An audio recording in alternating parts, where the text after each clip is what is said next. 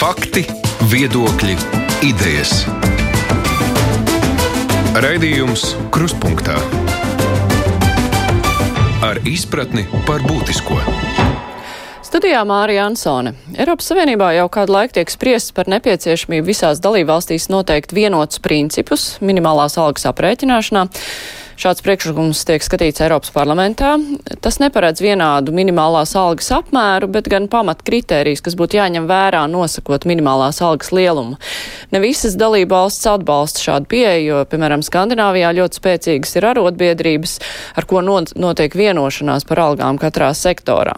Savukārt likumprojekta aizstāvi norāda, ka nabadzības riskam ir pakļauti pārāk daudz strādājošie. Turklāt vienota minimālās algas noteikšanas principi neļaus darbvietām aizplūst no bagātajām Rietuma Eiropas valstīm uz tām, kur ir lētāks darbspēks. Vai Latvijai būtu izdevīgi vienota kārtība minimālās algas noteikšanai, par to tad mēs diskutēsim šodien raidījumā. Eironet Plus, Milāno, Zagreba, Brisele, Sofija, Rīga. Eironet Plus, vadošā Eiropas ziņu radiostaciju apvienība. Saprast Eiropu labāk! Kopā ar mums šodien ir Eiropas parlamenta deputāts Roberts Zīle. Labdien! Labdien! Latvijas darba devēja konfederācijas vadītāja Līga Meņģelsone. Labdien! Dien. Tāpat arī Latvijas Brīvo arotbiedrības savienības vadītājs Egils Balcēns. Labdien, Balcēn kungs! Labdien! Un ekonomikas zinātņu doktors Edgars Voļskis. Sveicināti! Labdien, labdien! Jā, tā bija Eiropas komisija, kas nāca klajā ar šo ideju par eh, šiem te vienotās, eh, vienoto standārtu ieviešanu minimālajai algai, bet nu kāda tad īsti ir Latvijas pozīcija attiecībā pret to, jo, kad māja sākumā Portugālē bija šis sociālais samits, tad Latvija kopā ar eh, Ziemeļu valstīm un vēl vairākām valstīm nu, ir sūtījuši vēsti, ka šādi sociālai jautājumi tā kā vairāk ir dalību valstu ziņā. Zielskungs, kā īsti? Jā, nu es, man arī bija tas gods pārstāvēt savu Eiropas parlamentu frakciju, ja tā var teikt, šajā Porto notikušajā Eiropas sociālajā samitā, kurā bija arī premjeri un uh, faktiski valdību vadītāji plus, uh, plus pārstāv no Eiropas parlamenta un arī no dažām sociālām uh, organizācijām. Tad nepārprotami tas ir un paliek, manuprāt, dalībvalsts jautājums. Latvijas pozīcija, manuprāt, koalīcijā nav vēl noformulēta, bet Nacionāla apvienība, protams, ir. Un um, arī manā Eiropas frakcija, Eiropas koncerta reformisti ir par to, ka šis ir dalībvalsts jautājums. Un īstenībā atrast juridisko pamatojumu Eiropas Savienības līgumos, kas ļautu to formulēt direktīvas veidā, ir juridiski no tā ļoti pievilcīgs matiem. Latvijas Brīvo arotbiedrības savienība šo šādu te pieeju savukārt atbalsta. Jūs esat argumentējuši arī. Simtprocentīgi atbalstam un es saprotu Roberta Zīles bāžas, un mums bija gods pagājušajā nedēļā ar viņu jau diskutēt par šiem jautājumiem, bet es gribu godīgi pateikt, ka Mums tās rekomendācijas ļoti maz ko ir līdzējušas tieši minimālās darba samaksas pieaugumā. Arī, protams, mēs uzskatām, ka neiet runa par kaut kādām vienādām darba samaksām, bet par vienādu kritēriju pielietošanu. Mēs esam entās reizes uzrunājuši arī valdību un arī darba devējs par to, ka vajadzētu vienoties. Redzēt, pagājušā gadā izdevās vismaz, vai aizpagājušā, jāsaka, aizpagājušā gada nogalē izdevās Lietuvā vienoties valdībai ar arotbiedrībām. Viņi paši pieņēma lēmumu, kas bija pietiekami optimāls. 47,5% ir minimāla alga no vidējās darba samaksas. Mums šāda lieta nav izdevusies. Un parasti tā problēma ir tāda, ka darba devēji ne īsti vēlas šo minimālās algas kāpumu, un tajā brīdī, kad mums ar valdību kādā reizē izdodas pārliecināt, tad pēc brīža arī viņi pievienojas. Tas nenozīmē, ka darba devēja vidū nebūtu cilvēki, kas uzskatītu, ka minimālajai algai jāpieaug straujāk, it īpaši lielajos uzņēmumos. Pārsvarā visi darba devēji uzskata, ka tas ir normāli un labi, bet no summāri tā, tā, tāda situācija ir tieši tāda. Un tāpēc, ka Latvijā praktiski nav šie spēles noteikumi, nav šie kritēriji. Es domāju, šī diskusija ir visnotaļ veselīga un laba. Lai vismaz kaut kādā veidā nebūtu tāda situācija, kāda mums pavisam nesen bija, ka trīs gadus pēc kārtas minimāla alga bija iesaldēta. Lietuva, Igaunija katru gadu mainīja šo minimālo algu uz augšu, bet mēs palikām tādā situācijā, kas tikai veicināja darbinieku aizplūšanu uz citām valstīm vai pat iesaistīšanos darba attiecībās Lietuvā un Igaunijai, tīpaši pierobežas rajonos, jo tas ir izdevīgi. Tā kā mums ir jāskatās uz daudzām lietām, arī uz to, kāda ir mūsu darba devēju, ne visu, protams, bet vienas daļas konkurētspēja Latvijas darba spēka jomā. Mēs redzam, ka uh, Igaunijas piemērs jau ir parādījis, ka gan darba devēji, gan uh, darba ņēmēji arotbiedrības ir teikuši, ka, nu, ja kādam šī konkurētspēja ir pa smagu, varbūt viņam ir tiešām jāiet uz citu valsti, uh, teiksim, pelnīt, atcelt savu uzņēmumu, vai varbūt pārdot šo uzņēmumu, un nevis mēģināt risināt šo visu uz darbinieku atalgojuma rēķina. Un tāda ir uh, pietiekami nopietna pozīcija. Mm -hmm. Kāda ir uh, darba devēja nostāja? Nu, tā ļoti neiedziļinoties detaļās pagaidām. Uh, kopumā Jā, pirmkārt, minimālās algas noteikšana ir katras nacionālas valsts kompetence. Tas ir pirmām kārtām. Uh, otrais uh, ir tas, ka mēs noteikti šādas vadlīnijas, no vispārējais principus mēs uh, atbalstam, bet uh, nekādā, neatbalst, uh, nekādā gadījumā neatbalstam direktīvas ieviešanu. Tieši tāpēc, ka tā ir nacionālās valsts kompetence, tas ir, tas ir viens aspekts, bet otrs, um, mēs jau entos uh, gadus esam gan strādājuši, gan runājuši par to, ka minimālais, minimālā alga, minimālais atalgojums, stundas tarifs katrā nozarē, tas pirmām kārtām lietām ir nozares sociālo partneru jautājums, par ko uh, vienojās pati nozare. Un parasti, ja šāds dialogs notiek, tad šis stundas tarifs ir ar kārtu augstāks nekā jebkāda valstī noteiktā minimālais atalgojums. Līdz ar to šeit arī mūsu, mēs esam dalība organizācija Business Europe, kuriem ir ļoti skaidra šī nostāja par šīm te vadlīnijām, bet noteikti tas ir sociālā dialoga instruments, tas sociālo partneru uzdevums vienoties par katras nozares, katras profesijas minimālo tarifu, lai tāda, tādējādi izbalansētu situāciju. Jo šeit vienādu uh, viduslīniju mēs nevaram novilkt, tā būs vidējā temperatūra slimnīcā, un tur laimīgs nebūs neviens.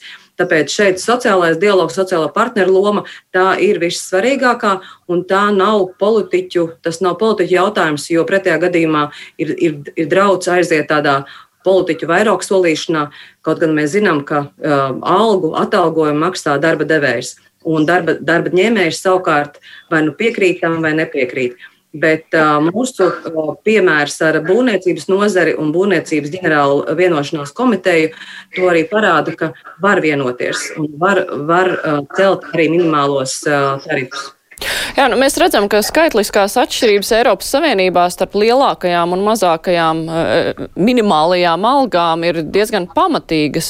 Latvijā minimāla alga ir, uh, skatoties pēc šā gada sākuma datiem, nu, mēs te, mums te ir ceturtā zemākā. Es, mums ir Bulgārija, Ungārija un Rumānija. Lielākā minimāla alga savukārt ir Luksemburgā, vairāk nekā četreiz lielāka par Latvijas minimālo algu. Ir valstis, kur uh, tāda vispār netiek noteikta.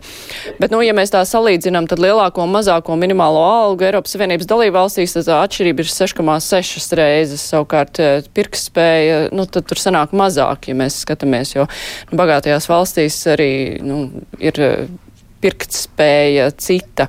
Voļskungs, nu, ja paskatās uz valstu attieksmi pret šiem vienotajiem principiem, nu, skandināvi negrib. Un tur var saprast, tāpēc, ka viņiem ir eh, šīs te tradīcijas, viņiem ir ļoti stipras arotbiedrības, viņi taisa koplīgumus, viņiem ir vienošanās pa nozarēm, kādas būs algas.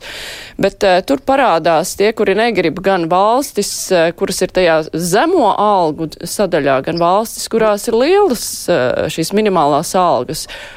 Ar ko tas ir skaidrojams? Nu, kurām valstīm tas ir izdevīgi un kurām nav šāda kopēja vienošanās?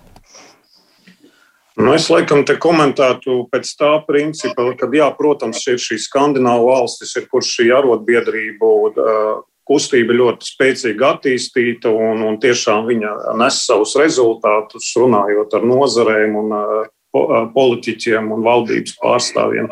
Bet vienlaicīgi, protams, jārunā par to, ka, ja mēs paskatāmies to terminu un instrumentu kā minimāla alga kā tāda, ja, nu, es no ekonomikas viedokļa teiktu tā, ka viņam nu, nav nekāda īsta pienesuma, ja, lai mēs varētu analizēt uh, statistiski kaut kādus ekonomiskos rādītājus. Ja, tāpēc es arī vairāk uz to valstu virzienā, kur šo instrumentu kā tādu neizmanto. Jo nu, pēc būtības, ja mēs panalizējam, kāds ir pašmērķis ir šim instrumentam, kā tādam, minimālās algas aprēķins, nerunājot jau par viņa metodoloģiju, kā tika pieminēts, ja mēs paskatāmies. Nu, Tas ir kaut kāds procents, pieņemsim, no vidējās algas, ja, kas vispār neko neraksturo mums absolūti. Ja, tad, nu, kā tāds instruments, viņš ir pilnīgi nu, nevajadzīgs, manuprāt. Ja, tas ir vairāk, man liekas, tāds instruments, ar ko teiksim, valdības pārstāvju finanšu ministrija varētu rēķināt savus fiskālos ieņēmumus, plānojot budžeta ieņēmumus nākamajam finanšu gadam.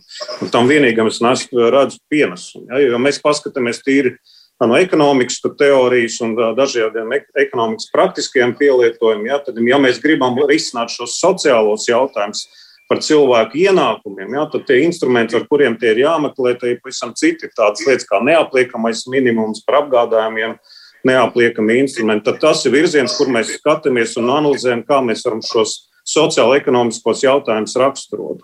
Šī minimālā alga, es arī bieži, kas ir mans virziens, teiksim, kādreiz bija tā diskusija par saucamo minimālo pensiju, arī, kas arī es uzskatīju pilnīgi nevajadzīgu tādu lietu, ja, kad ne, mēs varētu likt vēl kaut kādas vienlīdzības zīmes. Un, un tas teikt, ka, minimālā alga ir kaut kāds instruments vai kas varētu mums kaut kādā veidā risināt uh, šos sociālos jautājumus, nodarbinātības jautājumus, tad, manuprāt, tas galīgi nav tas. Un tāpēc, atbildot uz jūsu jautājumu, laikam tās valstis, kas neizmanto, ja, viņas vairāk tomēr šo iz, uzskata, ka nevajadzīgu tādu ekonomisku institūtu mērvienību, kas pilnīgi neko nedod absolūti. Un tāpēc šī iniciatīva, man liekas, nu, es pagaidām neatrodu viņai pašmērķi, kāpēc Eiropas Savienībā vajadzētu meklēt kaut kādu vienotu metodoloģiju, lai tagad risinātu šo jautājumu. Jo nu, pagaidām man nav skaidri, skaidrs īsti šis ne ekonomiskais pašmērķis, nerunājot jau par šo sociālo, kad mēs gribam nu, panākt kaut kādā veidā, kad nu, mehānisms, kā tiek risināts šīs jautājums attiecībā uz atalgojumu, nu, manuprāt, šī lieta galīgi to neatrisināt nākotnē. Jā, doma par minimālās algas liederību paturpināsim. Mazliet vēlāk vēl jautājums Zīles kungam, kā jūs raksturotu šīs dažādās nostājas ļoti dažādo dalību valstu starpā? Nu, es pat varētu sākt no Eiropas parlamenta politiskā spektra. Skatoties, šis jautājums nav jauns. Un kreisās frakcijas grupas, politiskās, kā sociāldemokrāti, komunisti, arī zaļie šos jautājumus ir virzījuši jau ļoti sen bija šis Göteborgas samits, kurā faktiski tas spiediens bija ļoti lielā mērā arī uz dalību valstīm. Un skaidrs, ka vairākās valstīs, tā skaitā Portugālē, kur notika šis pēdējais sociālais samits, ir sociālistu valdība. Un šis ir acīm redzams virziens, kas tiek tīri politisks virzīts, kuram aizmugurē, protams, ir arī intereses. Un skaidrs, ka šeit ir kārtējā situācija, kādā veidā Nu, viens no iemesliem, kāpēc Rietumē Eiropieši aizsargājās no maziem vidējiem uzņēmumiem, tirgus sadalē ar Austrumu un Centrālu Eiropas valstīm, kurām objektīvi atalgojuma līmeņi ir zemāki, tā skaitā arī minimālās algas.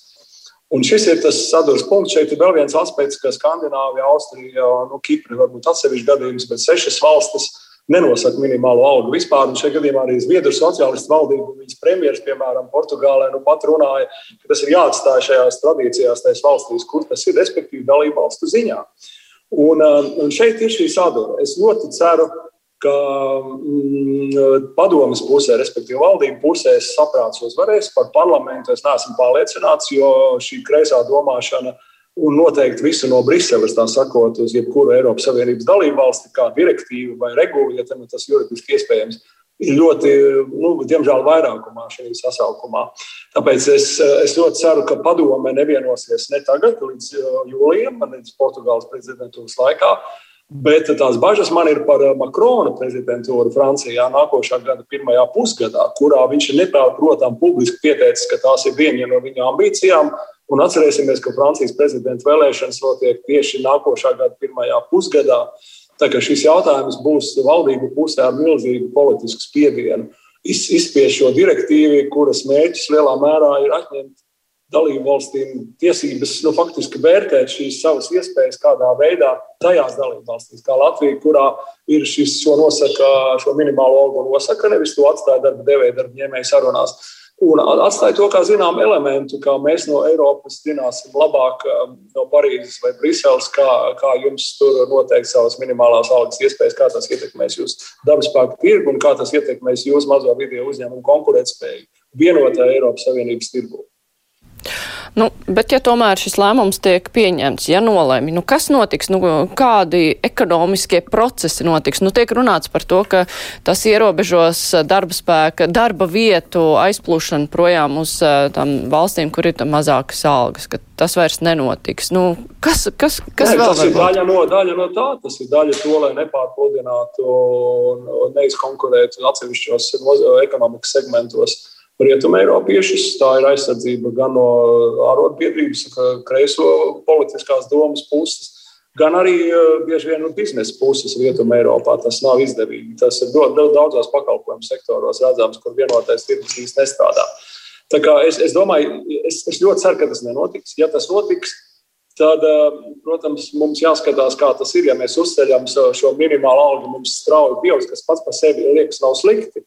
Bet eh, tā šķēre var izveidoties ļoti liela, ja jūs esat iesiets pie formulas. Līdzīgi kā iezīmētais budžets eh, procentos no IKP, ja mēs iedomājamies, ka mēs uztaisītu valsts budžetu ar iezīmētiem procentiem veselībai, tik eh, izglītībai, tik ekonomikai, tik un tā tālāk, un tad mums būtu ļoti liels iespējas variēt būt konkurētspējīgiem.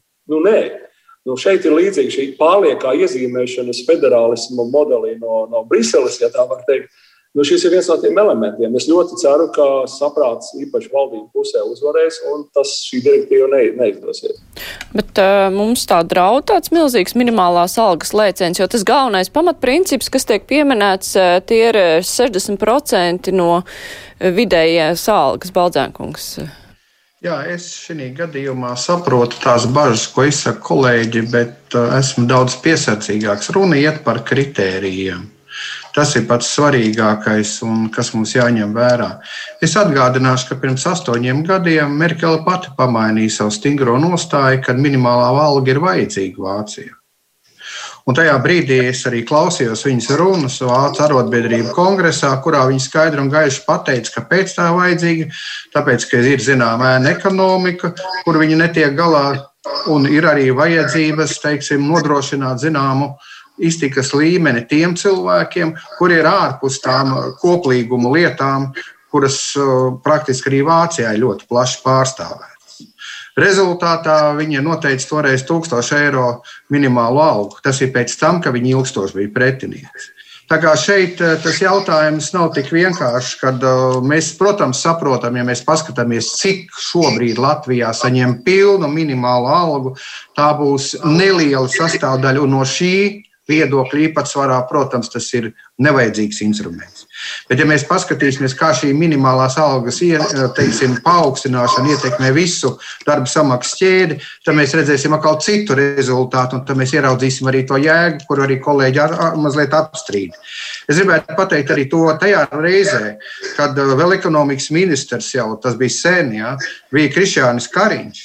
Man arī bija šis pats strīds, kad bija šie milzīgie pārmetumi par to, ka mums procentuāli tajā brīdī, 2000. gada sākumā, tur mazliet ja strauji pieauga minimālā alga, vidējā alga un tam līdzīgi. Es vienkārši paņēmu šos ciparus un parēķināju procentuāli.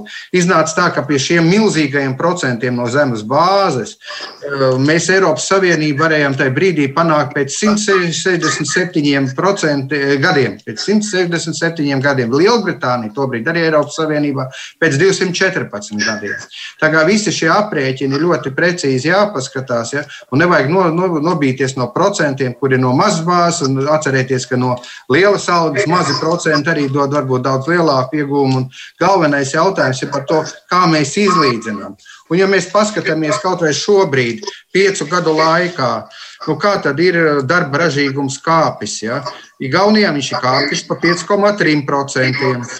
Eh, Lietuvā par 5,7% pret Eiropas Savienības vidējo, mums par 3,8%. Es domāju, ka tas lielā mērā ir nevis tāpēc, ka mēs esam mazāk produktīvi, vai mūsu darbinieki vai darba devēji nav talantīgi, bet tāpēc, ka mums ir arī ēna ekonomikas īpatsvars lielāks un varbūt atsevišķos brīžos kāda ekonomiskā krīze mazliet vairāk ir ietekmējusi nekā kaimiņus. Un otrkārt, te jautājums nepārtraukti ir par šo pirktspēju. Un mēs redzam, ka Lietuva ir 7-8% lētāk patēriņa preces un pakalpojumu. Igaunijai krietni augstāka alga. Nu, paņemsim kaut vai šīs pašas minimālās algas eh, brutto izteiksmē. Nu, Tātad viņas Latvijā ir 500 eiro, Igaunijā 584, Lietuvā 642 eiro. Un, ja mēs paņemam kaut vai šo neto darba samaksu, paņemot arī pirktspējas standartu, ja, tad mēs redzam, ka Latvijā viņi ir kaut kur izlīdzinot ar eh, dzīves dārdzību 418 eiro, Igaunijā 550. Tā kā no mūsu viedokļa, bez kritērijiem, kas eh, izvērtē to, vai cilvēks var uzturēt savu ģimeni mazu kaut vai. Ja? Vai viņš var apģērbt un nodrošināt skolas vajadzības, kas ir no minimālās algas kaut kādā mērā noteikts? Nu, tas īstenībā ir kriterijs. Un neaizmirsīsim par to, ka šobrīd krīzes laikā, varbūt nelaikā virzās uz priekšu, no minimālās algas ir jābūt arī sociālās apdrošināšanas iemaksām. Es arī piekrītu, ka tagad nebūtu tas īstais laiks. Bet tas, ka principā ir nepieciešams nodrošināt ar minimālu algu atalgojumu arī šīs sociālās garantijas, tas ir pilnīgi skaidrs.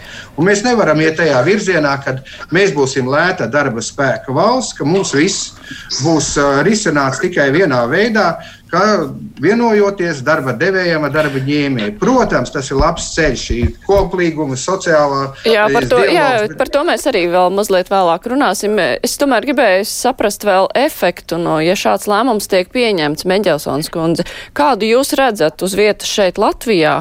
Vai mums uh, tad ir gaidāms spējuši minimālās algas lēciens, ko uzņēmē nevar izturēt, un arī nu, Eiropā kopumā? Skatoties uz darba spēku kustību. Kā jūs prognozējat, ja šis lēmums tiek pieņemts?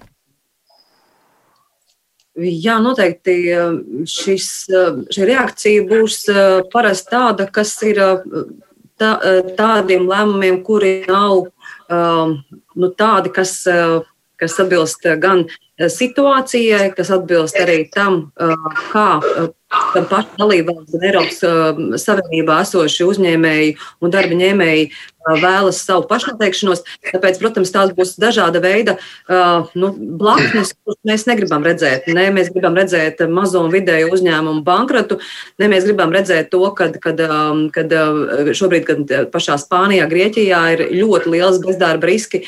Tāpēc es domāju, tas, tas varētu radīt nu, tiešām šāda politiska akcija var radīt arī sociālas sekas. Jo šeit droši vien, kad jauc kopā arī nu, tādus pamat, pamat definīcijas, jo, jo pirmā kārtā minimālā alga nav sociālais pabalsts. Ir, at, tas ir atalgojums par konkrētu, uh, konkrētu, atalgu, konkrētu darbu, konkrētu kvalifikāciju, konkrētā laika vienībā.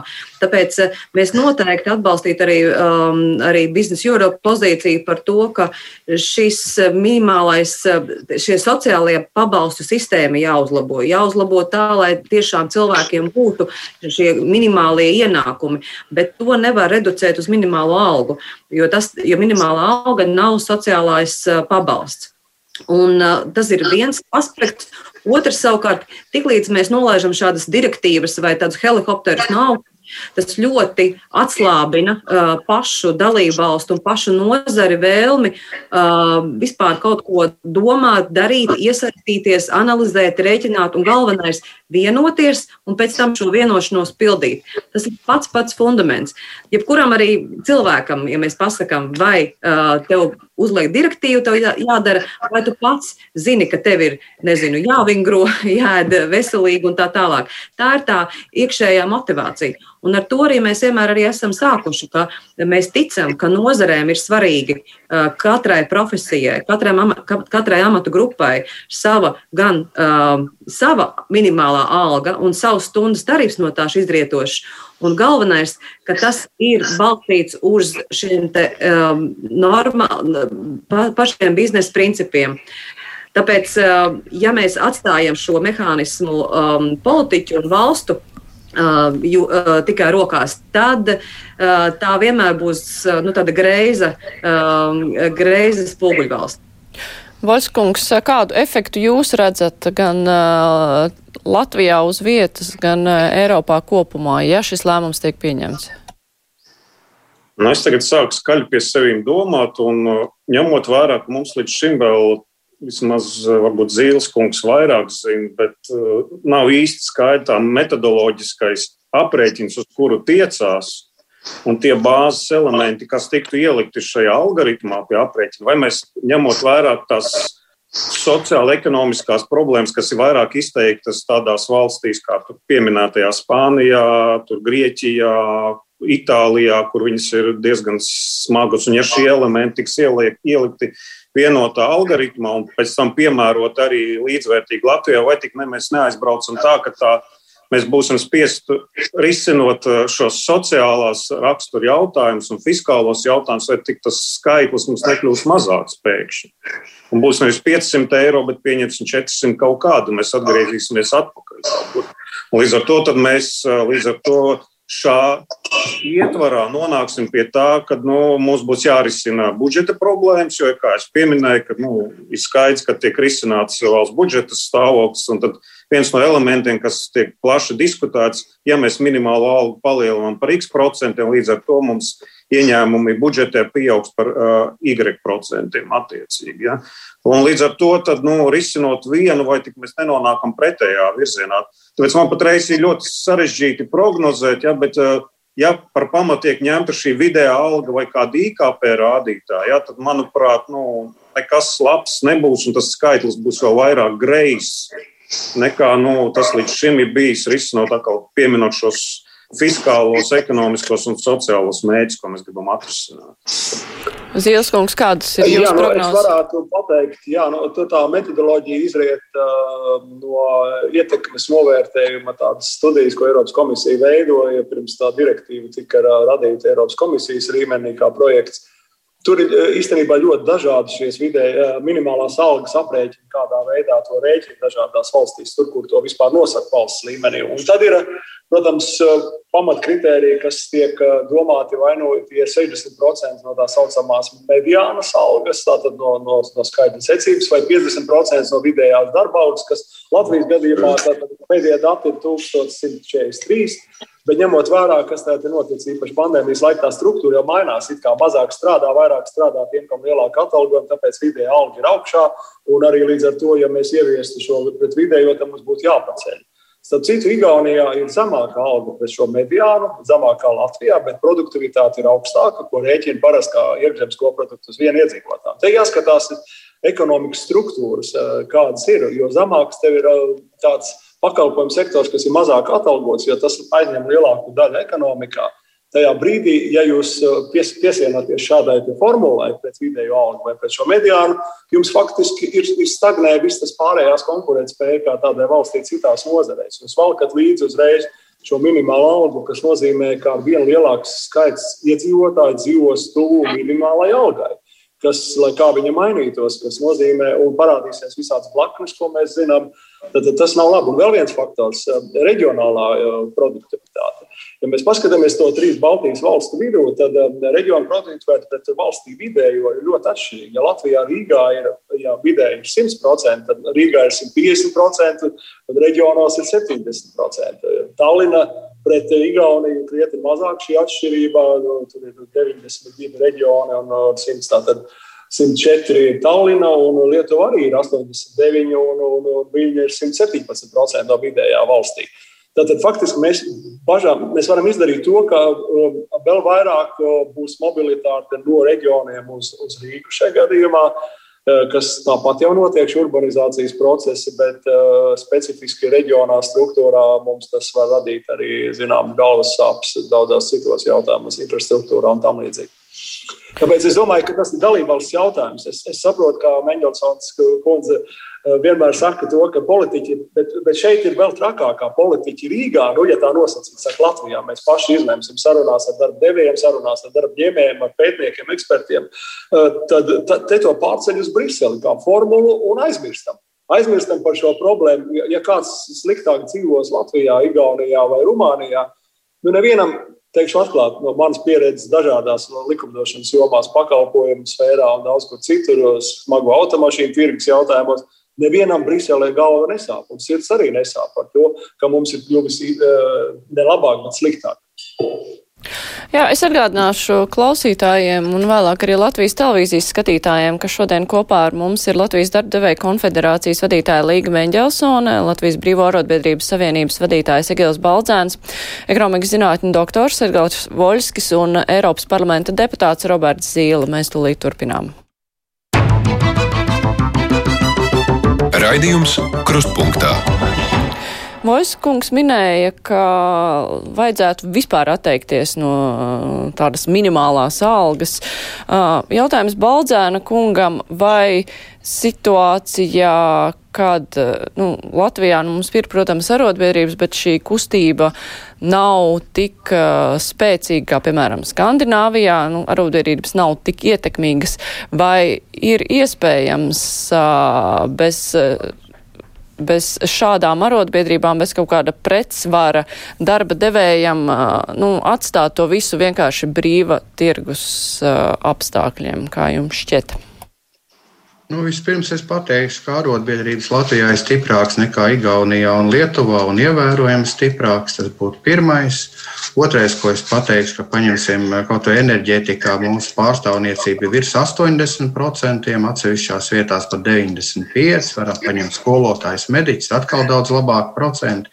Tas, ka mēs neesam Skandināvija līmenī, tas ir pilnīgi skaidrs un saprotams. Un otrkārt, man liekas, arī ekonomikas struktūra ir svarīga, jo mazāk ir Jo vairāk ir mazu uzņēmumu, jo arī mazāk būs arotbiedrības pārstāvniecība.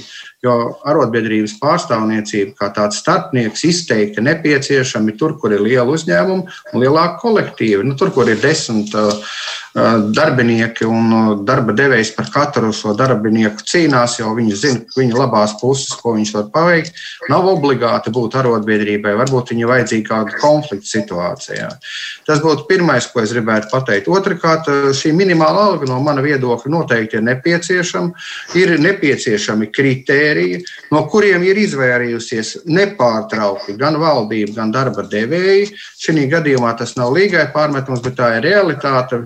Mēs paši varējām, mēs piedāvājām NTSP, paņemam šo Lietuvas piemēru 47,5%, ko Lietuvas valdība, nevis kaut kāda kreisā tur īpaša valdība, ja, bet uh, Lietuvas valdība kopā ar arotbiedrībām bija arī darba devēji, kā redzat, ir apmierināti un iekšzemes koprodukts Lietuvā aug. Mēs varam redzēt arī, ka darba ražīgums aug un nekas nav katastrofāls noticis. Ja. Diemžēl ne, nevajag nekādus kritērijus. Otrs, kas ir, protams, koplīguma ģenerāla vienošanās dod iespēju, bet atcerēsimies, kā mēs ar Līgu strādājām kopā ar kolēģiem no būvniecības partnerības, lai divas reizes pārliecinātu parlamentu. Valsts prezidents pat iebilda, ka tur kaut kas nav kārtībā, kad arotbiedrības tagad noteiks kopā ar darba devējiem šo algu un cik ilgi mums gāja. Bet mēs pacēlām no 430 uz 810 kvalificētiem, 780 nekvalificētiem tajā brīdī un paņēmām pārējais periodu, lai mazie darba devēji nu, teiksim, arī spētu pielāgoties. Tā kā viss ir iespējams, bet tas prasa milzīgu darbu, milzīgu pūli un ne tikai, es atvainojos, tur arotbiedrība, bet arī darba devēja pusē. Tāpēc šis koplīguma pārklājums, kas arī šeit tiek teikts priekš Igaunijas, Latvijas un tam līdzīgi ir ārkārtīgi svarīgs, jo, piemēram, mēs jau nemēģinām Dānijai, Zviedrijai kaut ko uzspiest. Viņiem mēs uzreiz piekrītam, un viņi tās valsts, kas ir šobrīd palikušas tajā īpašajā zonā, ka viņām nevajag to. Viņām ir tuvu 90% šī koplīguma pār, pārklājums. Mums viņi ir apmēram 23%, ja mēs uzmanīgi paskatāmies visu. Tā kā Tas ir jāattīsta, bet atkal to nevar darīt tikai tādā veidā, ka nav šis atbalsts. Cik reizes mēs neesam ar līgu un arī LTRK strādājuši pie tā, lai koplīgumiem iedotu ko arī Ašarādena kungs atbild. Profesionālai izglītībai kādu atbalstu, lai nebūtu darba devējiem jāmaksā profesionālai izglītībai visa pilna cena izglītības, vēl darba spēkam pielīdzināt nodokļi. Cik reizes mēs neesam prasījuši transporta izdevumiem, uz un no darba, tīpaši reģionos, lai viņam dotu kaut kādu priekšnieku. Nevajag arī vēl darba spēku pielīdzināts nodoklis, ne tikai izdevumus. Cik reizes mēs neesam to pašu runājuši par dienesta viesnīcām, ka tas atrisinātu arī daudz ko reģionā. Neatrisināt, mums ir izdevies septiņu gadu laikā panākt no valdības, es atvainojos, vienu ēdināšanu kas ir pavisam maza summa, 48 eiro mēnesī. Nu, tad, tad skaidrs, ka mums ir jāmēģina rast citi ceļi, ja mums ir tik atsaucīga tā situācija. Un mēs ar darba devējiem kopā ar arī darba devēja konfederāciju LTRK esam mēģinājuši šo nostiprināt. Kas traucē to izdarīt mūsu valdībai? Jo tas taču samazina ēnu ekonomiku. Paskaties no būvniecības, viņi paši atzīst kolosālu pārvaldību, kolosālu sadarbību. Tad darba devējiem, darba ņēmējiem. Vits ir apmierināts, finanses ministrija apmierināta. Neviena jauna iniciatīva pagaidām neiet. Nu, mēs, protams, atkal uzrunāsim. Es saprotu, ka tagad ir grūti laiki, kad uh, finanses zināmā zināmā mērā trūks, bet ja tas dod atdevi, kāpēc mums atteikties no naudas, kas ir vajadzīga izglītībai, veselībai, kultūrai un daudz kam citam? Meņģelsons kundze, kāds ir jūsu ieskats par atteikšanos no minimālās algas vai koplīgumu un ģenerāla vienošanās var kompensēt, piemēram, to? Gribētu teikt, ka eh, pirmkārt tādai uh, faktu skaidrībai mums ir ministra kabineta noteikumi numur 563, un, un tur ir ļoti skaidri um, pateikts minimālās mēneša darba algas noteikšanas un pārskatīšanas kārtība, kā um, Labklājības ministrija kopīgi ar Finanšu ministriju un Ekonomikas ministriju katru gadu izvērta ekonomisko situāciju valstī un attiecīgi no ieņēmuma dienesta par nostrādātajām stundām un, un vidējo algu, par, par no, no centrālās statistikas pārvaldes visu šo datus liekot kopā un tālāk um, to um, šo priekšlikumu par minimālās darba algas apmēru saglabāšanu vai paaugstināšanu nākamajam gadam iesniedz, um, iesniedz saskaņošanai Nacionālā 13. padomē. Un tad, attiecīgi, um, šī padome uh, to vai nu saskaņo vai nesaskaņo. Tā šis process ir atrunāts šajos 563. Uh, noteikumos, un, un tas arī katru gadu arī notiek. Um, tas atslēgas moments, ir, uh, atslēgas moments ir tas, kad, kad svarīga ir šī iesaiste un debate nozarēs. Mēs arī sakam, ka arī pat Latvijas kontekstā minimālā alga visā Latvijā, kā arī Zilskungs pareizi teica, viņi nestrādā, jo reģionālās atšķirības ir ļoti lielas. Un tieši tāpēc mēs uzsveram gan reģionālās atšķirības, gan arī nozara atšķirības. Jo, protams, viena situācija, kas ir būvniecības nozarē, otra situācija ir, piemēram, viesmīlības nozarē. Un tas, tās ir objektīvas un viņas ir jāņem vērā. Bet pats galvenais ir, ir iedot instrumentu un ticību, kad ir jēga iesaistīties un, un šies, šīs likmes runāt, strīdēties un vienoties un pēc tam viņas ievērot. Ja tam nav jēgas, tad mēs nevarēsim nevienu nozari uh, pateikt, jā, jums šis instruments ir, un lūdzu, uh, ejiet sarunās, kas ir ļoti, ļoti grūts process. Norvēģijā, piemēram, uh, vai, vai tajā pašā Skandināvijā vai Norvēģijā, kad notiek šīs nacionālās sarunas vai nozaru sarunas par, par koplīguma tarifiem, tad visa valsts apstājās. Es varu nezvanīt saviem norvēģu kolēģiem, jo viņi saka, ka mums nav laika, mēs tagad esam pārunās, un visa valsts aizturējas elpu gaida, kāds būs rezultāts. Tā kā pāvesta vēlēšanas vēlēšanās. Tik svarīgi tas ir pacelts, bet tas ir tad, tad, tad jābūt no valsts puses šai, nu, to, ko saka arī Starptautiskās darba devēja organizācijas harta, kad par to, ka valstīm ir jāveic, valdībām ir jāveic šis process, jo tā ir arī demokrātija, tā ir ekonomiska, sociāla ekonomiskā demokrātija kad ir jēga iesaistīties procesos, ir jēga noteikt šos tarifus un, un tad tālāk arī pašiem ievērot. Tāda ir tā demokrātijas būtība. Ja to visu no, uh, nolaidīs no augšas, kāds uh, atsūtīs uh, kāds gudrāks onkulis, nu, tad neviens neiesaistīsies šajā procesā. Bet tad jūs nostāja attiecībā pret minimālo algu kā tādu, nu vai tāda ir vispār jānosaka, ir vajag vai nevajag? Obligāti. Es, es runātu par arī, mēs vispār runājam, teiksim, šajā minimālā alga, bet pirmā kārtā minimālā alga nav, nav sociālais pabalsts, tas ir punkts viens, un punkts divi ir tas, ka um, bija bieži vien um, šajos, šajā stundas tarifā netiek ies, ieskaitīts um, ne prēmijas, ne uh, kaut kādas mainīgās daļas, jo ārkārtīgi svarīgi visā šajā procesā ir zināt kontekstu un saglabāt elastību, un saga, uh, lai uh, nodrošinātu produktivitāti. Jo, ja mēs tādā kvazi uh, sociāli domādam aizstāvot šo, bet mēs faktiski grimstam tādā purvā, kas faktiski mums iedod um, zemes uh, produktivitātes nozares un nav attīstības, tad uh, tas ir bumeranga efekts pašiem sev. Mēs zāģējam zarus, uz kā paši sēžam. Mums vajag šo gan um, attīstību, tajā pašā laikā, protams, vajag demokrātiju. Tu pie tā galda, tajā ģenerāla vienošanās komitejā, kā būvniekiem ir, turpretī sēž ļoti spēcīgas celtnieku arotbiedrība, un viņi neļauj uh, šiem darba devējiem tur ļoti izpausties. Ja?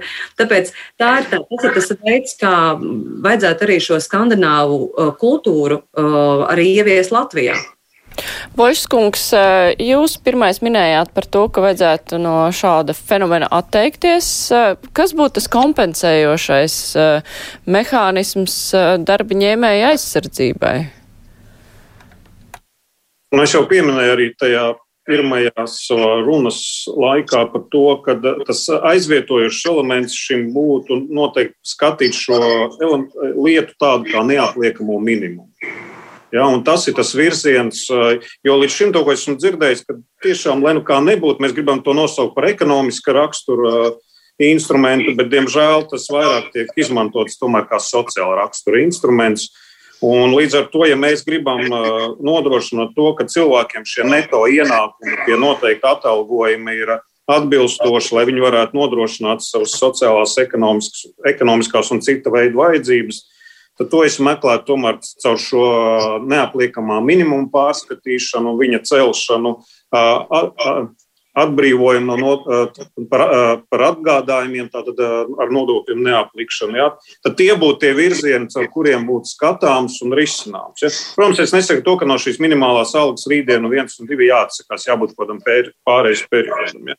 Bet, ja mēs viņu joprojām izmantojam kā sociālu raksturu instrumentu, tad es mans ieteikums būtu skatīties tomēr caur šiem instrumentiem, jā, lai mēs varētu risināt cilvēkus, kā Mendelsons kundze saka, jā, ka tas nu, nav nekāds pabalsts, jā, tas ir tiešām atalgojums, jā, un tad, lai nodrošinātu šo neto ienākumu, kuru beigās cilvēkiem nonāk, un tad, nu, ar šiem instrumentiem mēs arī kompensētu, es domāju, šo, šos jautājumus, ko mēs gribam atrisināt pēc būtības. Bet tad tie būtu vienīgais eh, būtu nodokļi, kas varētu kompensēt, vai arī tomēr ir vēl kaut kā jādomā, nu kā stiprināt eh, šo te vienošanos atsevišķajās nozarēs par to, nu, lai būtu tomēr kaut kādas vienošanās, nevis tā, ka katrs uzņēmējs vienkārši aidar kā grib.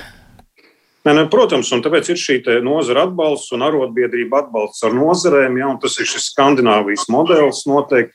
Un arī, kas ir pieņemsim, interesanti, bija tas, ka netika pieminēta tāda valsts kā Nīderlanda, kaut gan tur ir minimāla alga, ja, bet tur atkal šī nozaru atbalsts ar nozarēm ir ļoti spēcīgs. Jā, tieši lobbyis, kas nāk no nozarēm, Nīderlandē ir ļoti spēcīgs. Gan no darba devēja puses, gan darba ņēmēja puses. Un, un, un arī šis virziens būtu pārskatāms. Jā, un, un pieņemsim, tur ir tātad šīs te, uh, papildu piemaksas. Jā, cilvēku iesaistīšana, atkal, varbūt es pieminēšu atkal šo pensiju jautājumu kad ar arotbiedrībām cilvēki tiek iesaistīti šajā brīvprātīgā vai privātajā pensiju līmenī. Ja, tad nodrošināt papildus tātad, atbalsta instrumentus papildus atalgojumu. Ja? Nu, tad, tad tie būtu tie instrumenti, ja viens ir nodokļi, bet otrs, protams, arotbiedrības, ja, bet nu, tādā veidā, lai galu galā, ko mēs gribam panākt, lai šis beigās tīrais neto ienākums, ko cilvēks saņem savā bankas kontā un kas nonāk viņa makā pēc visu nodokļu nomaksas, godīgas nomaksas, ja, nu, maksimāli tiktu palielināts. Atbilstoši, protams,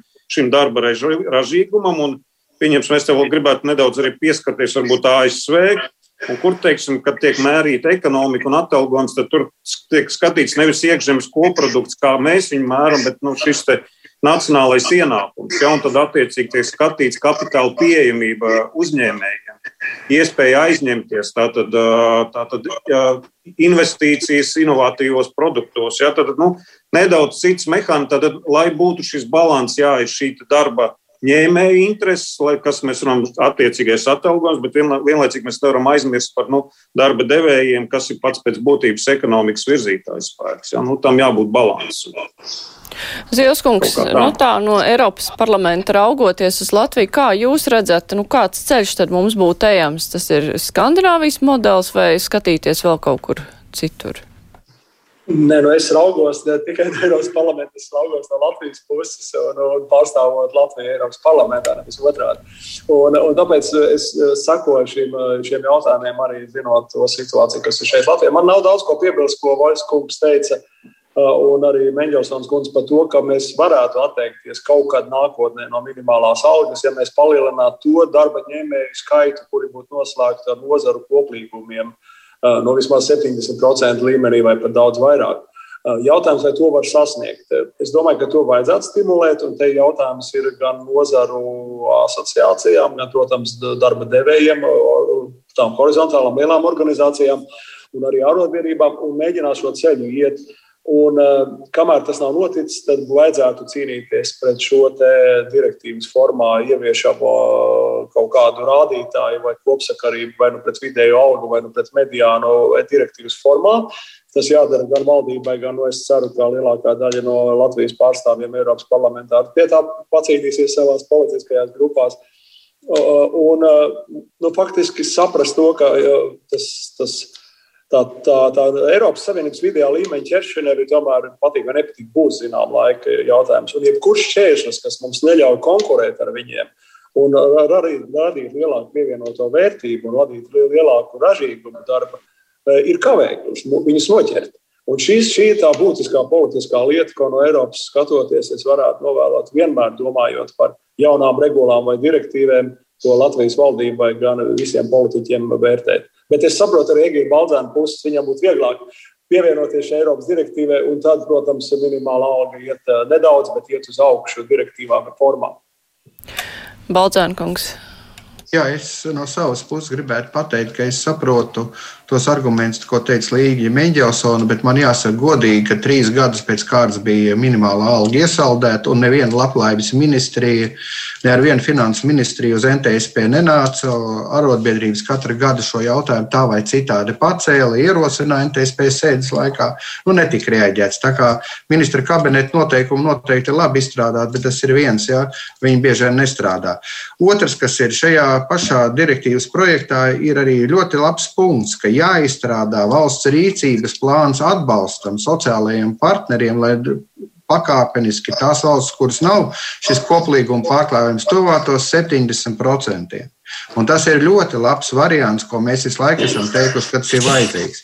Nākamais, kas man uzreiz ir jāsaka, ja, kad, eh, protams, eh, es saprotu, ka eh, neapliekamais minimums ir labs un atvieglojums ir labs, bet es atgādināšu, ka viņš ir diferencētais. Un ko tas nozīmē? Man te varētu paņemt Leiškaunu kungu, viņš izstāstīja to lietās kvalificētajiem darbiniekiem, ko tas nozīmē. Bet es vienkārši pateikšu to, ka, protams, es atbalstu, lai cilvēkiem būtu iespēja no minimālās algas, pateicoties neapliekamā, šī gadījumā diferencētā neapliekamā un atvieglojumu saņemt pēc iespējas lielāku daļu, bet es nekādā gadījumā nebremzētu minimālās algas kāpumu. Un uh, tas nozīmē, ka mēs iestājamies šī gadījumā Uh, priekš mazāk turīgiem ir tāda milzu progresivitāte, ko man personīgi šī gadījumā nav iebildumi, ja mēs neapdalām kvalificētos darbiniekus, ja mēs nenodarām šajā pusē kā nivelācijas procesu. Jo nevienlīdzības mazināšana ir vajadzīga, bet tai jābūt taisnīgai. Ja? Tā ir viena, ko arotbiedrība vienmēr ir teikusi. Ja?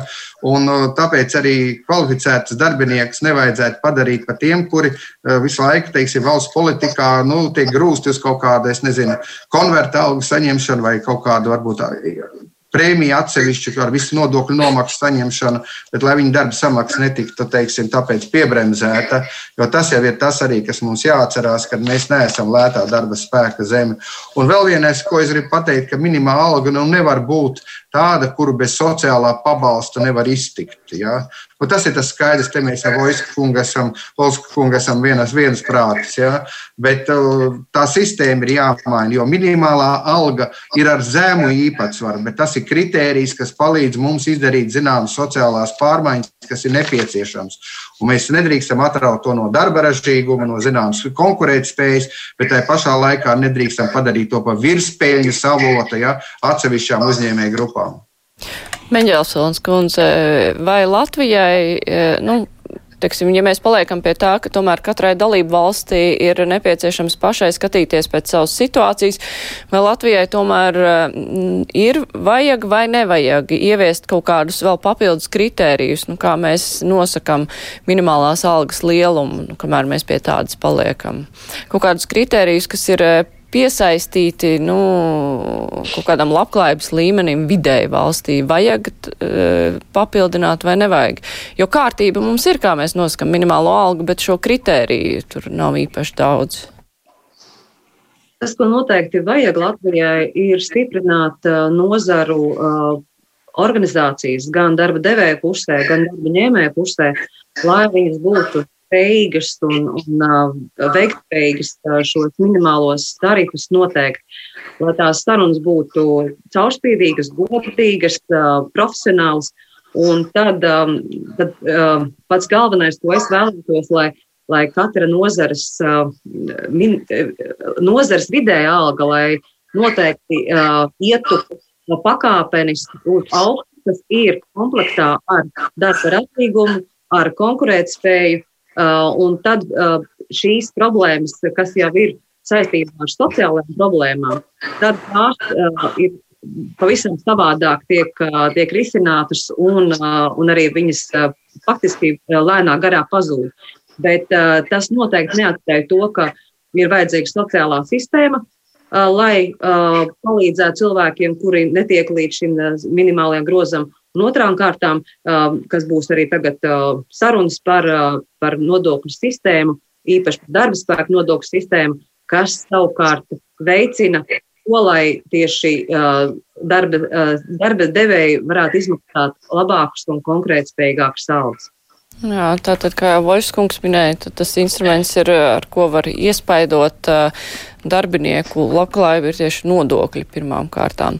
Zilskungs, mums ir vēl viena minūte palikusi. Kāda ir jūsu prognoze? Kā tad šis jautājums attīstīsies? Jūs teicāt, ka Eiropas parlamentā, nu, tur uh, tā kā vairākas lietas uz jā. Jā, es domāju, ka Eiropas parlaments pieņems jau pirmā lasījuma pozīciju vai teiksim, pozīciju sarunām ar padomu, ja tā top tā likumdošana nu, pārredzamā nākotnē. Un uh, Francijas prezidentūras laikā būs liels spiediens uz, uz valdībām, lai panāktu šo padomus pozīciju.